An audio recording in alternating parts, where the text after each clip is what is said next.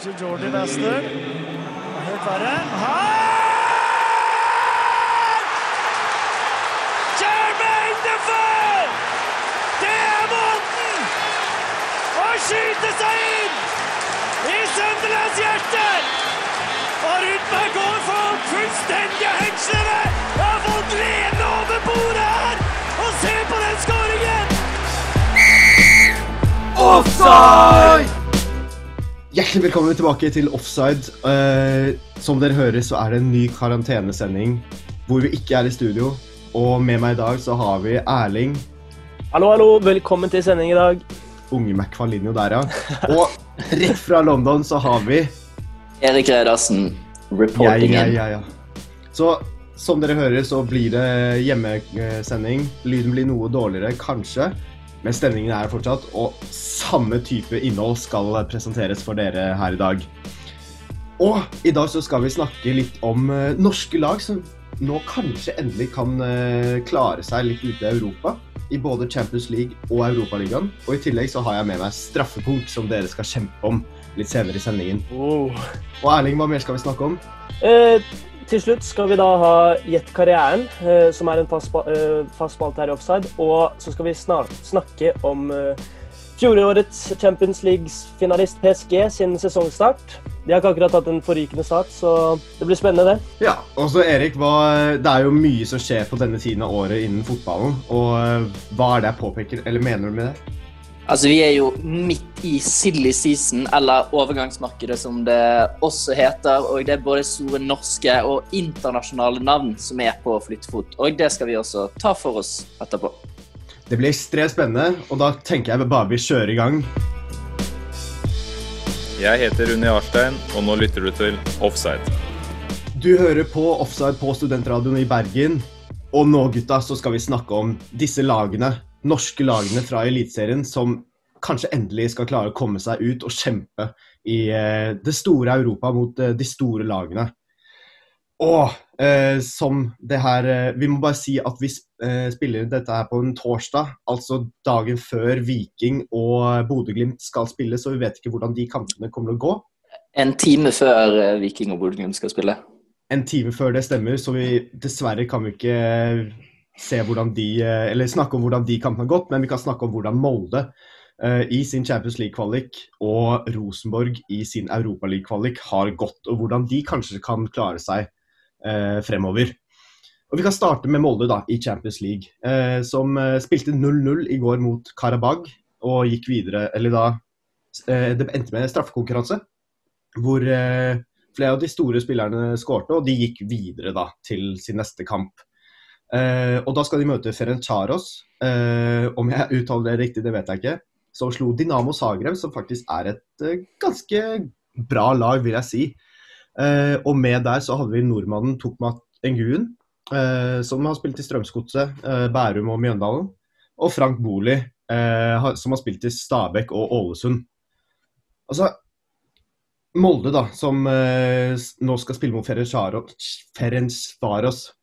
Hvordan tror dere det er jo et ukjent lag for oss i Norge, men hvordan tror dere de vil klare seg da, i det oppgjøret? Altså, jeg håper jo endelig at vi Det er vel 13 år siden sist eh, vi har hatt et lag i Champions League. Og for Moldes del er det jo 20 år siden de har vært med i Champions League. Så jeg håper jo endelig at vi klarer å få et eh, lag i gruppespillet til Champions League. Eh, men jeg tror ikke de skal undervurdere ungarske Ferencvaros. for de er et lag som ja, Tokmak Ingun har jeg personlig sett spille selv når han eh, spilte for Bærum. Og han eh, tok de nesten opp til Eliteserien nesten på egen hånd på den tiden. Så Ja, Altså, jeg, jeg tror det viktigste blir at Molde undervurderer ungarerne. På grunn av Det føler jeg nå, i hvert fall vi, vi i Norge, vi norske tilskuere gjør. Vi undervurderer lag som eh, ja, f.eks. Ungarn da, under EM i 2016. Folk var jo veldig sikre på at det skulle gå bra. Gikk ikke så bra, så får vi se da og håpe at uh, Molde ikke, ikke gjør det samme med lag som uh, de sannsynligvis aldri har, eh, aldri har hørt om. Fordi eh, selv om jeg eh, ikke har så veldig mye til for Molde, så uh, håper jeg jo at vi ser et norsk lag i Champions League igjen. Fordi nå nå er det lenge siden sist, altså. Ja, det er jo både lenge siden eh, et norsk lag har vært i Champions League, og Norge har vært i, eh, altså, i EM eller VM. Og vi kan jo se at det er mange eh, norske navn som har kommet seg ut i Europa og eh, rundt om i verden, som spiller bra. Men så er det dette med at eliteseriespillerne ikke holder kvaliteten. At, eh, fordi vi nordmenn har en såpass tro eh, når det kommer til idretter. Eh, og da kan man si at vi også undervurderer som supportere eh, sjansene til disse mindre landene rundt om i Europa, fordi vi aldri ser de. Eh, men hvordan tror dere For da OI har jo spilt veldig bra i Eliteserien de siste årene. eh, og eh, vi håper jo da for Molde sin del at han kan klare å ta eh, innersvingen på eh, Ferencvaros, om man kan si det på den måten. Men tror dere Frank Boli, som også spilte sammen med Ohi i Stabekk, hvordan tror dere de to eh, kommer til å påvirke denne kampen? Altså, han var jo ikke en, han var ikke en dårlig eliteseriespiller. Jeg føler at det viser litt til uh, kvaliteten på dette uh, ungarske laget. Og man ser jo også at han sammen med Nguen har uh, spilt veldig bra i både kvaliken tidligere fram til denne playoffen som nå skal spilles om to uker, og i hjemlig liga. Så jeg har jo en frykt for at eh, han og uh, Tokmak eh, kan gjøre det kan gjøre det bra mot Molde. Men eh, vi får se. da. Det er jo alltid en fordel for, for et lag å spille mot spillere de kjenner. Og eh, på den måten så kan man jo si at eh, Molde vinner med at eh, en av de bedre spillerne til dette ungarske laget, som jeg ikke tør å uttale navnet på, på at, de da kjenner, at de da kjenner denne spilleren. Og de har sikkert også litt inside på uh, Tokmak Nguen også. Ja, det vil jeg tro. Eh, men hvordan tror dere denne kampen kommer til å ende? Eh, Jeg tror egentlig at Jeg håper i hvert fall at eh, Magnus Wolff Eikrem og Det er liksom spillere som har vært ute i Europa Eller ja, vært ute i Europa før, så jeg håper liksom han kan forberede spillerne på det her. da, Og da, som vi har snakket om, ikke liksom undervurdere motstanden her. Eh, Og så lenge de ikke gjør det, så har jeg troen egentlig på at Molde kan klare å komme seg til Champions League. Fordi altså, det ble unødvendig spennende når det ble straffekonk. Eh, her mot eh, Karabag. Men eh, det skal jo sies at Etsas Hussein bomma på straffe i da eh, ekstraomgangene. Så det kunne vært avgjort tidligere, da. Ja. Uh, så du tror at Molde kommer til å ta seieren i Jeg den tror kampen? og håper at de vinner den kampen, ja. Det gjør Ja. jeg. Erik? Jeg eh, Altså, vi husker jo eh, alle tilbake til 2012, eh, når Magne Hoseth bommet på eh, straffe mot Basel. jeg er redd for at eh, vi havner i en lignende situasjon. Jeg. Jeg, eh, jeg vet at det er pessimistisk og at det skaper kanskje litt dårlig stemning, men jeg tror at Molde kommer til å være det beste laget. Men eh, at de ryker, og så blir det sikkert han eh, Tokmak Guen som eh, skårer også. Så vi sier en knapp seier til eh, Ferencvaros. Ja, jeg tror faktisk at uh, Molde her, pga. at de har denne kunnskapen om uh, de offensive spillerne til uh, Ferencvaros, at de kanskje tar uh, seieren her. Så jeg håper og tror på en 2-1-seier til Molde, faktisk. Men for å trekke oss videre da, til et annet norsk lag som nå bare for uh, en halvtime siden eller sånn, vant 5-1 uh, i Europaligakvaliken mot uh, Hvilket lag var det igjen? Det var, latvi det var latviske, ikke ventepils, men Ventspils. Ja. Så man ser jo her at Rosenborg har jo ikke De har jo selvfølgelig spilt bra de siste årene, men de har ikke vært helt der som de var på 2000-tallet. Uh, men tror dere de har en sjanse for å komme seg videre til Europaliga-gruppespill? Ja. Rosenborg er jo eh, et lag med De har jo vært i Europa de siste årene også. Eh, man Ja. bare merker det ikke fordi de har vært så eksepsjonelt ræva. Og det er bare å være ærlig på det. Eh, ja, jeg tror Rosenborg iallfall kommer seg til gruppespillet. Om de klarer å gjøre en god figur, det er jeg mer skeptisk til. Jeg har mer troen på Bodø-Glimt, som Ja. skal ut, ut i aksjon rett etter at vi har spilt inn. Det hadde vært Altså, Rosenborg skal jo møte Alanya-spor. Og vi vet jo at tyrkiske klubber er virkelig ikke noe å kimse av. De er eh, aggressive og har godt spill. Eh, så jeg tror Rosenborg vil virkelig ha eh, en stor kamp. da. Og det blir vanskelig for dem å komme seg videre sånn sett. Altså, jeg tror ut ifra mine fotballkunnskaper, så tror jeg Rosenborg har en vanskeligere kamp enn det Molde har mot Ferencvaros, om jeg skal være helt ærlig. Ja. Så jeg tror her eh, at Rosenborg dessverre kommer til å ryke på et tap, og da kanskje et 2-0-tap, om jeg skal være helt ærlig. Nei, men Personlig så tror jeg at eh, Rosenborg er jo det laget i Norge som liksom drar med seg rest, mest rutine da, med å være i disse turneringene her. Men eh, de har akkurat fått en ny trener, liksom. Han, han må liksom få sette sitt preg på laget, hente inn litt signeringer, få de til å spille på den måten som han ønsker. da. Så jeg vil si personlig tror jeg det er litt for tidlig ennå til at de kanskje når gruppespillet. Og, men Bodø-Glimt derimot har jeg jo virkelig veldig stor tro på. Hvis de klarer å liksom fortsette det spillet de har gjort i Eliteserien da ut i Europa, så bør jo de klare å nå gruppespillet så absolutt. Ja.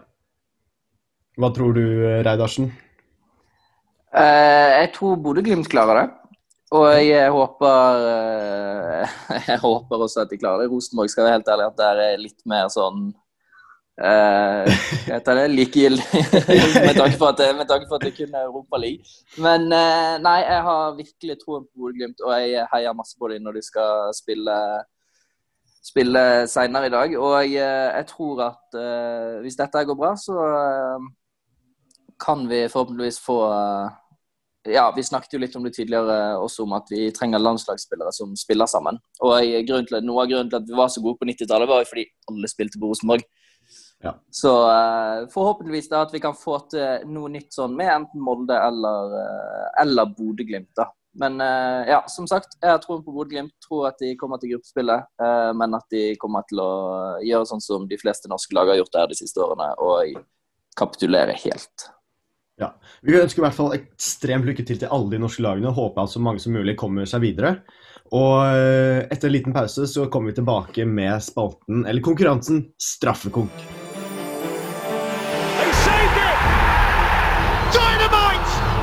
Oh, they've done it! I cannot believe it! And it will be a penalty shootout. Straffekonk! Du hører fortsatt på Offside på Studentradioen Bergen. Og nå, gutta, så har jeg med en eh, konkurranse som eh, kanskje noen av dere lyttere husker fra i fjor høst og i eh, våres, nemlig straffekonk. Og det som skjer her, er at jeg har med litt ulike lister. Og dere har da ganske kort tid på å nevne et lag eller en spiller eller hva det enn nå skal være fra disse listene annenhver gang. Og så har dere tre strikes. Hvis dere ikke klarer det, så kommer jeg til å si eh, bom, strike. Og eh, da vil jeg at dere skal holde opp fingre for antall strikes dere har. Og så eh, blir det poeng ut ifra eh, etter det, da. Ja, det er mottatt. Ja. Og vi kan vel egentlig bare starte med første listen, eh, som er Golden Boy-vinnere. Og eh, den kan bli vanskelig, men jeg håper selvfølgelig at begge gir sitt beste. Og da vil jeg egentlig at eh, du, Erik, du kan starte. Renato Sanchez. Kylian Mbappe. Trent Alexander Arnold. Feil. Strike. Uh, Mason Greenwood. Feil. Strike. Nei, nei, nei. Eh, Andersson. Riktig. Eh, han godeste Hva heter han igjen, da? Sancho? Strike. Uh, dette var jo dårlig på. Aguero. Riktig. OK. Eh, Frankie de Jong. Strike. Nei, mener du det? er Hvor- De er jo Golden Boys hele gjengen. Alle de gutta der jeg nevnte er Golden Boys. Jo. Altså, ja, nei, min, min taktikk nå etter hvert var jo bare å begynne, å- begynne på rekken. Begynne med Messi. Ja. Ah, Altså, Vi har spillere som Rooney, van der Fart, Messi, eh, Balotelli, Götze, Pogba, Sterling, Delict, Joao Felix, Martial. De, li- ja, så Delict er vunnet, men ikke de Jong? Ja, Ja, det er jo Ja, nei, men supert. Det er da står Det det, altså ikke jeg. Det står 1-0 til eh, Erik, eh, og vi trekker oss videre til neste liste, som er Champions, Champions League-finaledeltakere for kvinner. Og Erling, Da er det min da tur, kan, da Da kan kan du starte. Ja, nei, men supert. Eh, Wolfsburg. Lyon. Ja, ja. Eh, det må jo være et norsk lag her. Eh, Lillestrøm. Feil. Uh, og har PSG vært der? Ja, Barcelona. ja. Mm, mm, mm. Hei, hei, hei, nå må det være en strike. Strike. Faen. Da er det Erling igjen. Eh, da går vi videre til eh, Juventus. Strike. Roma. Strike. Oh, det, det var et godt forsøk. Um, å, å, å, å, eh, S- Sandviken. Strike. Altså, Da vi har jo eh, den norske eh, midtstopperlegenden Maren Mjelde spiller jo i Chelsea. Ja, det er strike. Oh, Yes! Da. Yes, yes, Da yes. er det poeng til Erling. Hvor mange. Erling. hvor mange. Champions League-finalister har det vært for kvinner? Eh, da var det Det har sikkert vært mange gjennom Men har vi noen norske Mm. der? 14. Nei, ingen norske, faktisk. Okay, OK. ah, ok. Men det var liksom Arsenal, Duesburg, Duisburg, Fuck. Tyresø, Frankfurt, Umeå. Så Ja. det er to svensker inni der. Uh, om Tyresø er svensk, det er jeg ikke 100 på, men, uh, men så Det står det i hvert fall eh, Martha spilte vel uh, i Sverige en ganske lang periode. Det stemmer. Eh, men da trekker vi oss videre til eh, neste liste. Det står altså 1-1, og nå er det Erik som starter. Og da vil jeg ha landslag for herrer som har kommet til liksom semifinale eller finale i VM. Altså topp fire. Ja, som, Og de kan ha vunnet.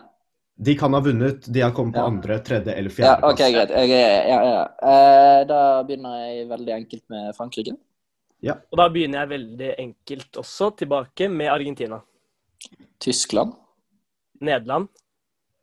Brasil. Eh, Spania. England. Oi. Ja, eh, Portugal. Uruguay. Colombia. Hæ? OK. Eh, Nei, Italia. det er faktisk strike. Det er strike. Nei! Ja. Italia. Um, mm, mm, mm. Jeg kan bare si dere har tatt Russ. topp ti nå. Ja, Russland. Russland, ja. ja. Eh, Belgia. Mhm. Og da beveger vi oss videre til eh, Sverige. Fuck, det var min neste. Ja. Uh, Unga, Ungarn. Uh, Hellas. Strike. Nei! Hellas. Oi, oi, oi, oi, Jeg var bombesikker. En bombe er ikke sikker. Ja, nå, nå tikker det her. Ja, Det er strike for på. Erik. Ja, det er det. Da er det Erling. Åh, den her er nervepirrende. Eh, la meg se, ikke stress meg nå. Eh, da sier vi Tyrkia. Ja. Sør-Korea. Eh, og jeg hadde et på tunga i stad. Um, Har du noe? Har du noe? Eh, Og det er siste strike! nei! Og det er poeng nei, til Erik. Nei, nei. Ah. Åh, her var det altså lag som dere ikke nevnte var USA, Chile, Ja, okay. Kroatia, Polen, Østerrike, Ja, ja. Jugoslavia, eh, Så, Tsjekkoslovakia ja, på og, du var ikke noe Det var ikke kjønnsbestemt det her heller, nei. og til slutt Bulgaria. Men kunne jeg sagt, Jo, dette- kunne jeg sagt, Dette kunne var for herrer. Norge? Nei, for dette var for herrer. Å, det var kun herrer? Nå kom Ja. USA til semifinale i VM. I 1994, om jeg ikke husker helt feil. Å. Eller Ja, jeg hadde på en liste i stad. Jeg burde skrevet ned eh, årstallene. Men da trekker vi oss videre til neste liste, eh, og den har vi på et annet dokument. Det, Det står altså 2-1 til Erik. Og Ja. da vil jeg ha spillere som var med i lagoppstillingen i Champions League-finalen for herrer 2020. Altså da både de som startet og innbytterbenken. Men for et spesifikt lag, eller bare generelt? Nei, begge lagene. Både PSG og Bayern München. Eh, Da begynner vi veldig taktisk med da Manuel Noir. Stemmer? Da sier jeg Alfonso Davis. Ja, og så tar vi Markinios. Marquinhos, Eh, Thiago Silva. eh, Jerome Boateng. Eh, Neymar. Eh, Men du sa startoppstillingen. Al eh, både de som startet ja, på banen og Sule. innbytting. Sule. Sule. Å ja, hele gjengen. Ja, OK. Eh, da kan jeg si Keylor Navas, da. Ehm, Neymar. Det er sagt. Det er strike til Erling. Ah, n- nei. Jo. Eh, Lewandowski. Ja. Eh, Di Maria. Müller. Hva sa du? Müller. Müller? Ja. Goretzka. Ja. Thiago Alcantara. Kimmich. Verratti. Thiago Silva. Den er sagt. Det er sagt Og det er igjen! til Erling. Det er to strøk på Erling. Ja, det er så dårlig. Erik. Uh, nei, nå fryser det. Nå, nå fryser det. Nå fryser det. Og det er strike til Erik. Erling. Ja. Uh, Kim Pembe. Ja. ja uh, Ariola? Det er strike. Nei! Det er er to, to-to. to strikes til begge. Erling. Uh, ok, eh, Bernat. Ja. Eh, Oi, oi, oi, oi, oi. Det er pinlig. Det skal og det er strike på Erik. Det er strike på Erik, og det er 2-2. Yes. Og vi har én liste igjen, boys, som avgjør det hele. Oh, og nå er det Erik som starter her.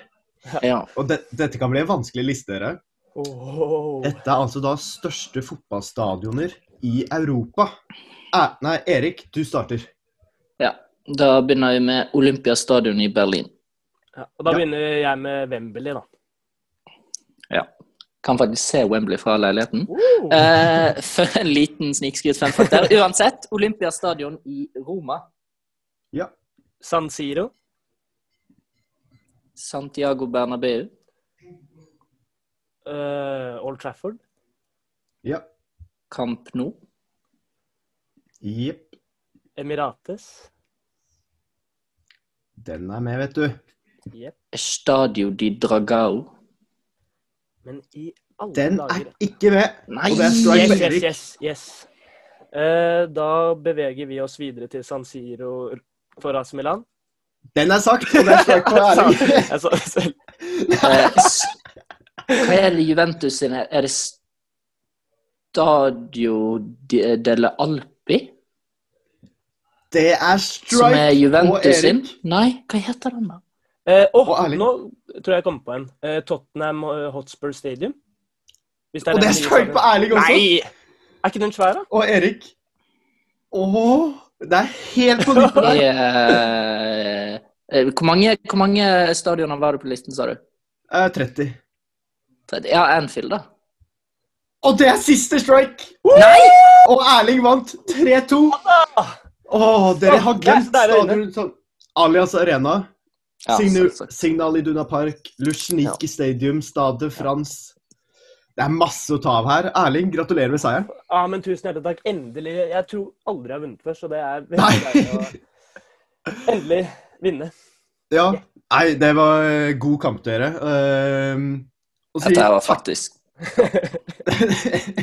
takk for denne gang. Og så ute, Etter en liten pause så skal vi diskutere litt eh, overganger og hvilke da kanskje noen norske navn som også er på eh, vei bort fra sine nåværende klubber. Hei, dette er Davy Vatne. Du hører på Offside på Studentradioen i Bergen. Du hører fortsatt på Offside på Studentradioen i Bergen. Og nå, boys, skal vi da snakke om overgangsmarkedet og hvilke spillere som er ryktet til hvor, og kanskje noen bekreftede eh, overganger også. Eh, og vi kan egentlig starte med to nordmenn som eh, Eller tre, om man kan eh, ta den siste også. Det er da Alexander Sørli og Joshua King og Ørjan Nyland, som kanskje er på vei bort fra sine nåværende klubber. Joshua King har jo mistet nummeret sitt i Bournemouth. Byttet agent til et, firma fra Jim Solbakken. Men det største kanskje er Alexander Sørloth. Hvor tror dere han kommer til å ende opp? Eh, Jeg, eh, du. Det blir Leipzig.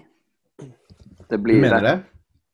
Ja, jeg tror ikke han går eh, tilbake igjen til Premier League. Iallfall ikke nå i første omgang. Og jeg, Det har jo vært Tottenham som har vært snakk om det, men de er jo på jakt etter en annen spiller, som vi skal snakke om senere. Men Leipzig er definitivt det, eh, både det største og det beste alternativet for uh, Sørloth, altså.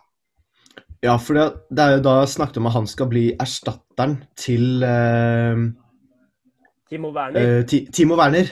Ja. Eh, og tror dere da, hvis han går til Leipzig Haaland har jo sagt, han har kommet ut og bare sagt at ja, Leipzig er beste valg for ham. Tror dere han kan prestere etter å ha gjort det såpass bra i Tyrkia for Trabzonspor? Han var jo ikke den beste i Crystal Palace, for å si det på den måten. Nei, men jeg tror absolutt at han Han er jo en ganske annen spillertype enn Timo Werner. Uh, Timo Werner er jo truer bakrommet, fart og sånn. Og her får de en litt mer sånn uh, duellsterk spiller, da. Men jeg tror absolutt at i og med at Haaland har gjort det såpass bra i uh, Bundesliga, og de er på en måte litt lignende spillertyper, så tror jeg absolutt han, at Leipzig er et sted han kan lykkes, og et smart valg. Eh, Ja. Hvor han kan få vært med spille ut i Europa og sånn, da. Hvis de, Leipzig fortsetter liksom å holde formen. Ja, Sørloth er jo fortsatt ung. Han blir jo 25 eh, litt senere i år i desember. Og han har jo fortsatt mange år igjen eh, hvor han kan prestere. Og som du sier, Leipzig er jo et lag som nå virkelig har eh, vært oppe i toppen i Europa. Og eh, det blir jo en annen konkurranse for uh, Sørloth i Tyskland enn det det har vært i Tyrkia. Uh, men uh, hvordan tror dere han kommer å Tror dere han kommer til å prestere såpass bra som han virkelig håper på? Og tror, tror dere han kommer til å gjøre et gjennombrudd der og ta det videre til det norske landslaget f.eks.? Han kommer nok ikke til å banke inn mål med samme frekvens som han har gjort i Tyrkia. Men eh, han kommer nok til å gjøre det bedre enn i Crystal Palace, iallfall. Ja. For, å, for å si det mildt. Altså, eh, det ja, ok, litt avsporing, men det er et par Crystal Palace-fans på studiet mitt der, og de hater Sørloth intenst. Ja. ja, han var så ræva i Crystal Palace. Men eh, jeg tror definitivt at det blir en mellomting. Jeg kan se for meg at han eh, fyrer inn en eh, 13-14 mål i sesongen for eh, Leipzig. Og jeg, eh, jeg tror definitivt at det kan være bra for landslaget at eh, vi har både han og Haaland eh, i, samme, i samme liga. Og i to lag som spiller lik-ish fotball. ja. Nei, jeg håper virkelig at eh, Jeg tror Leipzig kan være også rette valget foran for å komme seg på ett nivå høyere, eller to kanskje. Men for å trekke oss videre til en annen nordmann, Joshua King, som ikke spilte fra start uh, i eh, begge kampene, landslagskampene. Han har trent med Stabæk uh, nå i, på sensommeren. Hvordan, hva tror dere kommer til å skje med han? Jeg tror han drar tilbake igjen til PL. Du tror det, ja? Uh, ja, hvilken klubb, det eh, vet jeg ikke, for å være helt ærlig. Men eh, jeg, tror, eh, jeg tror definitivt at han eh, kommer inn som backup til en eller annen, eller Westham henter han for å spille sammen med Antonio. Altså et eller annet sånt, da. Det var jo snakk om at han kanskje skulle til eh, At Mourinho hadde lyst på han også, da. Som en slags Mm. backup for Kane og sånn. Men Ja. eh, det er jo kanskje andre overganger som eh, prioriteres mer, da. Men jeg tror også han kommer, til, kommer tilbake til Premier League, for han er jo en spiller som klarer å levere i den ligaen, eh, og det har han vist. Så det er flere, sikkert flere klubber som har lyst Ja, for han. han, han var jo ryktet til United i januarvinduet, eh, før United gikk for, eh, låne, for å låne inn Odio Igalo. Eh, mange trodde han skulle gå til United, være backupen eh, der. Eh, men han er jo en spiller som hører til på et høyt nivå, men ikke som en verdensklassespiller, om man kan si det på den måten. Han har ikke prestert ordentlig for landslaget når han har spilt, men han har gjort det greit eh, en del sesonger for Bournemouth, for et lag som egentlig ikke har hørt til Premier League. da. Eh, men jeg kan også se for meg at han kommer til å ende opp i en Premier League-klubb som en backup eh, for det meste, eller rotasjonsspiller for eh, en av deres nåværende førstelagsvalg. Jeg, jeg skulle gjerne sett en Leeds, jeg. Jeg syns det hadde vært kult. Men eh, nå hentet jo de Rodrigo i stedet, dessverre. Men, eh, Det kunne vært ekstremt gøy. Eh, men andre spillere som også er eh, på flyttefot, Gareth Bale. Hva tenker dere Tottenham, eh, Tottenham får endelig Bale-erstatteren sin. Ja. Syv. Det tok syv år. Syv år og over 15 spillere eller noe sånt. Endelig så klarte de det. ja.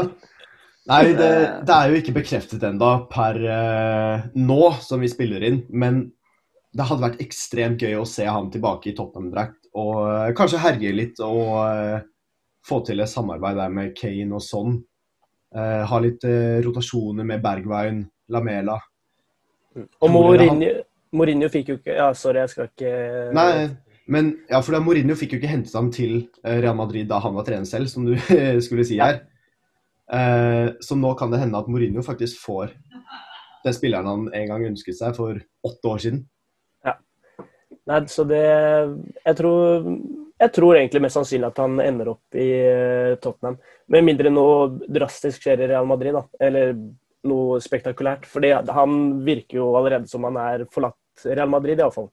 Men Ja. som sagt, det er jo ikke noe bekreftet uh, hvor han drar. Men jeg tror han ønsker seg tilbake til Tottenham, for det er jo en klubb som liksom kan være med å kjempe opp i teten i Premier League. Og han kan jo bidra med masse der, da. Ja. Og for å trekke oss videre til en annen person som har vært i eh, Altså i alle medieaviser og TV og alt mulig sikkert eh, ti år nå. Tiago Alcantara.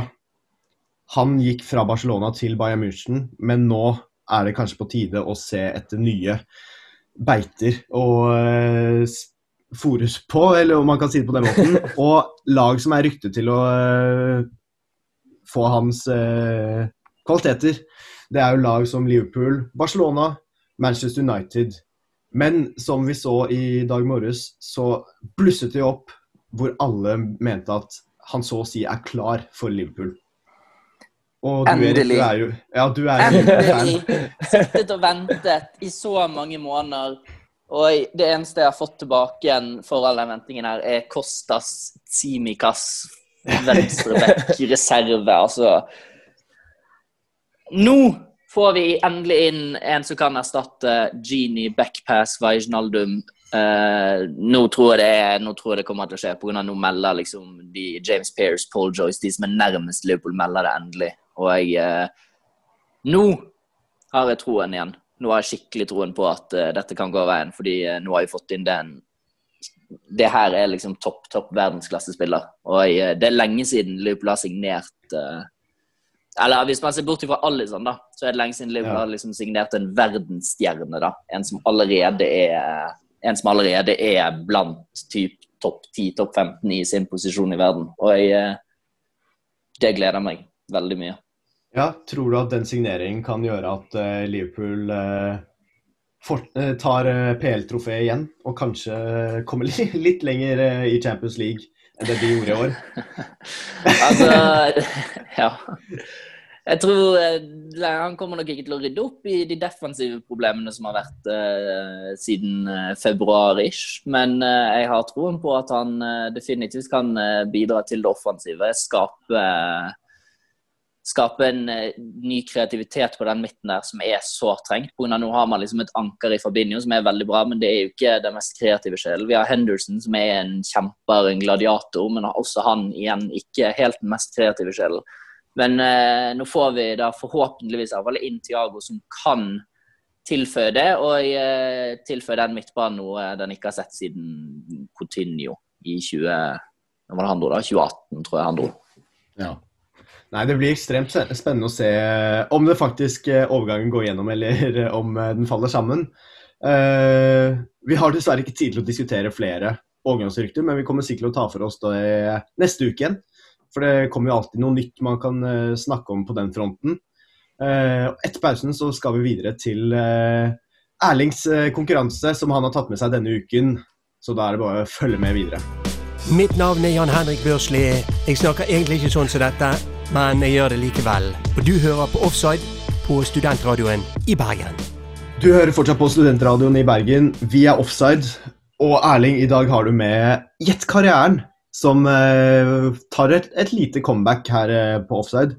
Eh, og for å forklare for dere lyttere, Gjett karrieren er altså slik at Erling skal lese opp litt og litt informasjon om eh, en spiller som spiller nå, en trener eller en som har spilt tidligere. Og så skal eh, Erik og jeg prøve å eh, gjette hvem denne spilleren er. Og vi skal ha en vinner til slutt. Så det blir spennende å se hvem Om Erik taper igjen, eller om eh, Han kan i hvert fall få én seier i den sendingen. Så Erling, da er- gir jeg ordet til deg, så er det bare å sette i gang. Ja, nei, men Tusen hjertelig takk. Jeg debuterer jo som inn, eller som ansvarlig for gjett karrieren nå, så det blir jo spennende å se om jeg klarer det òg. Men Ja, ja, ja. Vi setter i gang. Og da Første spiller han er født 25.9.1983, noe som gjør han til Zlatan Ibrahimovic. år gammel. Han er født i Maryport i England. Han er 1,83 meter høy, og foretrukket posisjon det er spiss. Oi, spiss. Det er Glenn Murray. Det er helt korrekt. Hvordan tok du det? Gamle spisser i eh, Jeg trodde faktisk den skulle Jeg var helt sikker på at den skulle holde lenger. Ah, Eh, men, Glenn ja. Murray. Altså står det 1-0 til Erik, da. Ja, Det gjør det. Så forrykende, en forrykende start. Ja. Oh. Uh, ja, men da kan vi egentlig bare bevege oss videre til spiller nummer to. Uh, han er født 10. mars 1985 og er da 35 år gammel. Han er født i Paris i Frankrike og er 1,73 meter høy. Han spiller midtbanespiller, uh, uten at jeg skal røpe for mye. Blaise Matuidi. Uh, nei. Men han spiller midtbanespiller uten at jeg skal røpe så mye mer enn det per nå. Uh, han startet sin seniorkarriere i 2004 i Le Havre i Frankrike, der han fikk med seg 29 kamper og null mål. Eh, turen videre tok han til i 2015 Nei, 2005 eh, tok han turen videre til Chelsea. Her fikk han bare 13 kamper. I Eh, Diarra. i Det er helt korrekt. Marseille-legenden. er 2-0. Åh, det her var jeg dårlig på. Men nå må du våkne. Nå må Ja, du nå må jeg Yes. Eh, Da beveger vi oss videre til spiller nummer tre. Han er født 1.12.1985. eh, Og Og kommer er bare 1985 og litt så eldre. ja, 34 år gammel. Eh, Han er født i Florence i Italia. Han er 1,95 høy. Og foretrukket posisjon på fotbanen er målvakt. Ja, det er Sirigu. Nei. Nei. Han startet karrieren i, eller sin seniorkarriere i 2004 i La meg uttale det riktig Bres, Brescia. Brescia. Ja. Mm. Her fikk han med seg 126 kamper. Og han hadde ett låneopphold til i Se- Se- Sena, da. eh, I, allerede i, først, i 2004. Eh, videre tok han turen videre til Bologna i 2009. Her fikk han med seg 72 kamper. Eh, og i 2011 til 2012 var han i Inter Milan. Her fikk han ikke med seg noen kamper. Og naturligvis der så dro han jo videre etter ett år til Palermo i 2012. Her fikk han med Åh, jeg tror jeg vet hvem dette er. Det var keeper, ikke sant? Ja, det er keeper. Eh, han eh, var, hadde et låneopphold i Fiorentina i 2012. Der fikk han 32 kamper. Og vi, her så fikk han også et låneopphold til Arsenal i 2013. Jeg vet jo hvem det her er. Men- var. Ja, Han ja fikk eh, ingen kamper. mm, Er det Viviani, er det det han heter? Det er Vi- vi- Viviano. det er- Ja, Viviano. Eh, for spenningens skyld så tror jeg vi gir Willem det poenget der.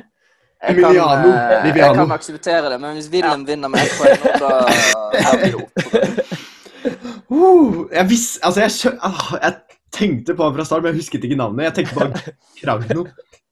Men ja, ja 2-1, 2-1. Let's go. let's go. Ja. Nå er det sjanse her. Og da beveger vi oss videre til spiller nummer fire. Hvis han også er født i 1985. Denne spilleren er født 10.9.1992, så han er 28 år gammel, da. Så litt, litt yngre. Han er født i Lillestrøm i Norge. Eh, Ikke Paul Pogba. ikke Paul Pogba.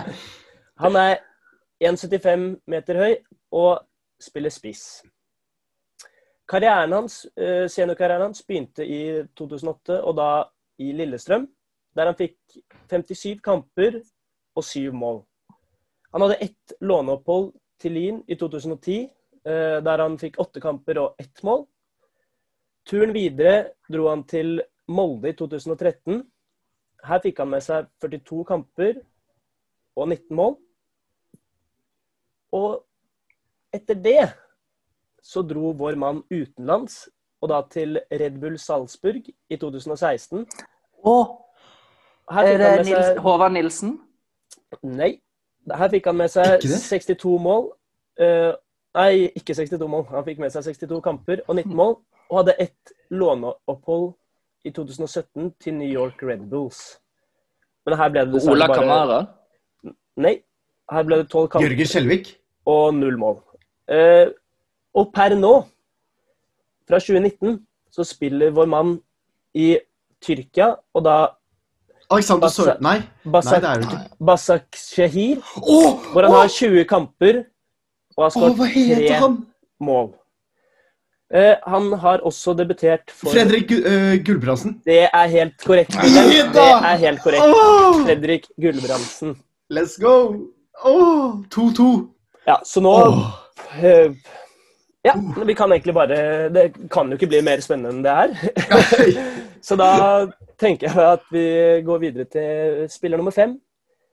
Han er født 1.4.1991, noe som gjør han til 29 år gammel.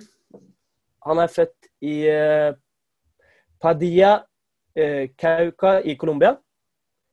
Han er en- han er 1,89 meter høy og spiller spiss. Eh, Seniorkarrieren hans begynte i 2008 i America di Cali, eh, som er et colombiansk fotballag. Her fikk han 38 kamper og 7 mål. Er det Jackson Martinez? I 2011, nei, i Nei, er 2011 dro han videre til Estudiantes, der han fikk 44, mål, nei, 44 kamper og 19 mål. Og i 2013 så eh, gikk han til Napoli, eh, der han fikk eh, 37 Zapata. kamper. Zapata. Det er helt korrekt. Det er du og Zapata. Ja! Zapata. Åh. Seier! Ja, så da ble det Da fikk Erik endelig revansjen sin og fikk en seier. Nei da, Men nei. Men det ble, jo, det ble jo spennende, og det liker vi når det blir litt jevnt. Da blir det litt mer trøkk. Ja, åh. Ja, jeg fikk jo egentlig litt ufortjent poeng der. Så Åh. seieren gikk jo til riktig mann. Nei, good game, Erik. Good game. Ja, Åh, for kampen. To jevne eh, kamper. Ja. Åh. Uff da. Nei, jeg må, Ja, ja. jeg må komme bedre neste gang. Ja, jeg, må, jeg må ha en seier. Åh. Nei, men eh, bra spillere, Erling. Det er absolutt. eh, får meg til å tenke litt. Litt gamle, da. Litt gamle. Jeg Ja. tenker på det neste gang. Ja. Nei, men det er Og- gøyere det når de har en eh, litt mer utfyllende karriere å ta Ja. for seg. ja, absolutt. Eh, etter pausen så eh, skal vi inn i vår eh, siste del av sendingen, hvor eh, en av Champions League-finaledeltakerne ikke har hatt eh, sin eh, beste eh, sesongstart, på, eh, om man kan si det på den måten. Hei, mitt navn er Håkon Oppdal. Du hører på Offside på Studentradioen i Bergen. Du hører fortsatt på Offside på Studentradioen i Bergen. Og nå, boys Det er virkelig eh, Altså, PSG fra Champions League-finale til to tap og en knepen eh, seier på slutten eh, i går mot Metz. Eller for det lyttere i foregårs, da. Men det er altså kampen mot Marseille som vi skal ha hovedfokus på, da. For den, sånn den eh, ble avsluttet, er jo ikke eh, en måte man vil se en eh, fotballkamp bli avsluttet på. eh, slåsskamp, røde kort, rasistiske Hva skal man kalle det? Spydigheter. Utsagn. Ja. Eh, I hvert fall noen som nevner, sier at det har blitt eh, no, Folk har vært rasistiske. Dette er ikke noe man vil se i fotball. På ingen måte. Hva eh, Erling, hva tenker du over det her?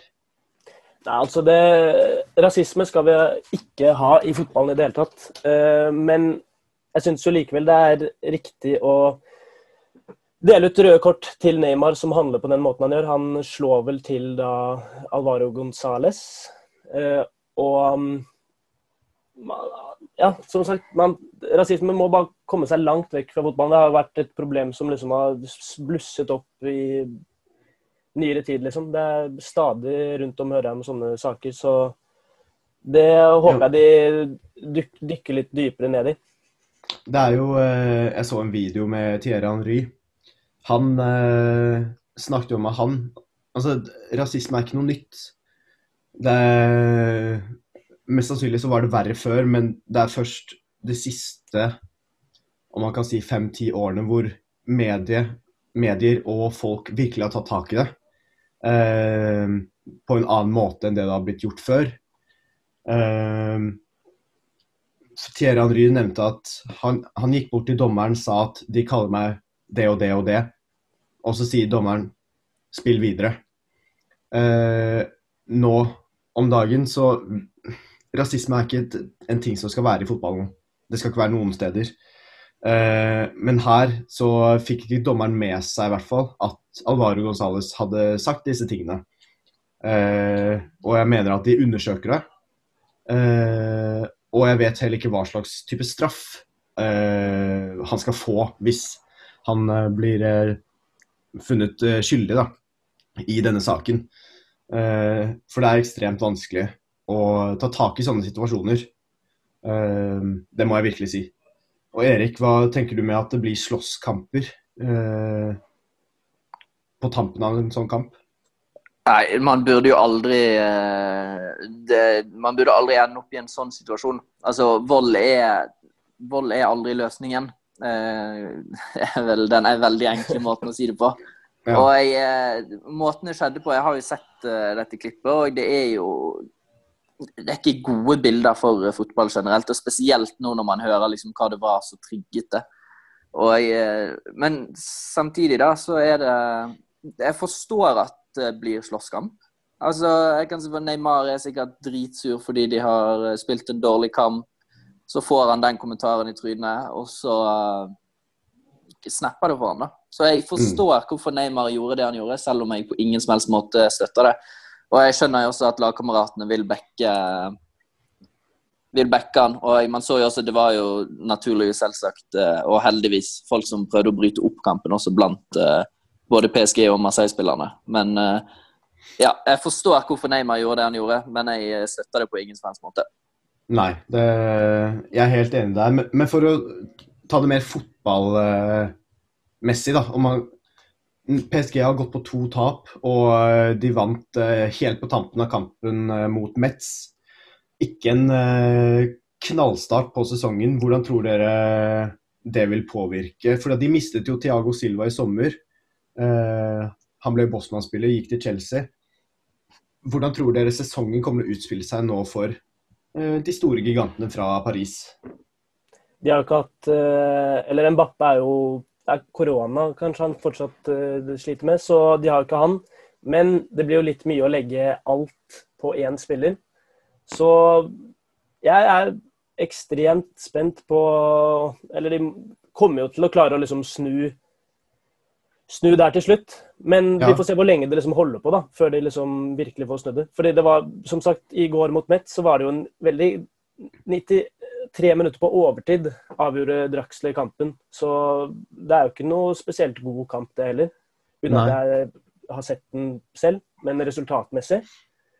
Eh, så kanskje vi for en gangs skyld får se noen andre trone toppen av league 1 i år. Fordi jeg vil på en måte trekke det her mot, eh, eller til eh, Manchester City. eh, sin 2019-2020-sesong, hvor de akkurat hadde mistet Vincent Company. En bauta av en spiller, kaptein. Og de hadde ikke en god start på sesongen, sånn som de håpet på. Og nå kan man kanskje se det samme skje i PSG, hvor viktig det faktisk er med en spiller av deres kaliber som kan styre hele laget og motivere dem på en helt annen måte enn kanskje noen andre kunne gjort. Eh, jeg tror jo igjen, som du sier, PSG vil snu trenden mest sannsynlig. Men eh, fordi de kommer jo da fra eh, å tape Champions League-finalen, man så Tottenham, hvordan de gikk på en smell på starten av fjorårets sesong etter at de tapte finalen. Men eh, det er så mye kvalitet i den stallen, så jeg tror at de kommer til å hente seg inn igjen. Eh, at det her bare er en, eh, en liten bom på eh, starten av sesongen, at de ikke har eh, kommet seg helt tilbake fra det tapet. Og Erik, hva tenker du om den sesongen de har i vente? Eh, først og fremst så tror jeg at eh, jeg tror Tyskjel ryker. Altså at han får sparken i løpet av eh, 2020. Iallfall hvis de fortsetter sånn som det her. Det, det er jo ikke eiere som har den største tålmodigheten, eh, kan, man vel, kan man vel si.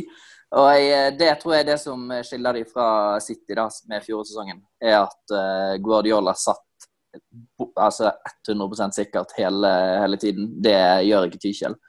Så kan jeg se for meg også eh, Nå har de jo eh, kjøpt slash lånt slash sneket seg unna FFP-reglene med å hente inn eh, Florenzi. Eh, det kommer nok noen eh, det kommer nok signer flere signeringer eh, i løpet av neste måneden, og eh, PSG kommer nok til å snu det. Eh, men jeg har alltid hatt en liten forkjærlighet for Lyon, og jeg, jeg syns det hadde vært skikkelig kult hvis de hadde, hvis de hadde klart å vinne ligaen. Men når alt kommer til alt, så tror jeg at PSG kommer til å klare å snu det. Altså. Og det blir nok enda en ligatittel til hovedstaden, dessverre. Jeg tror nok det kommer til å skje også.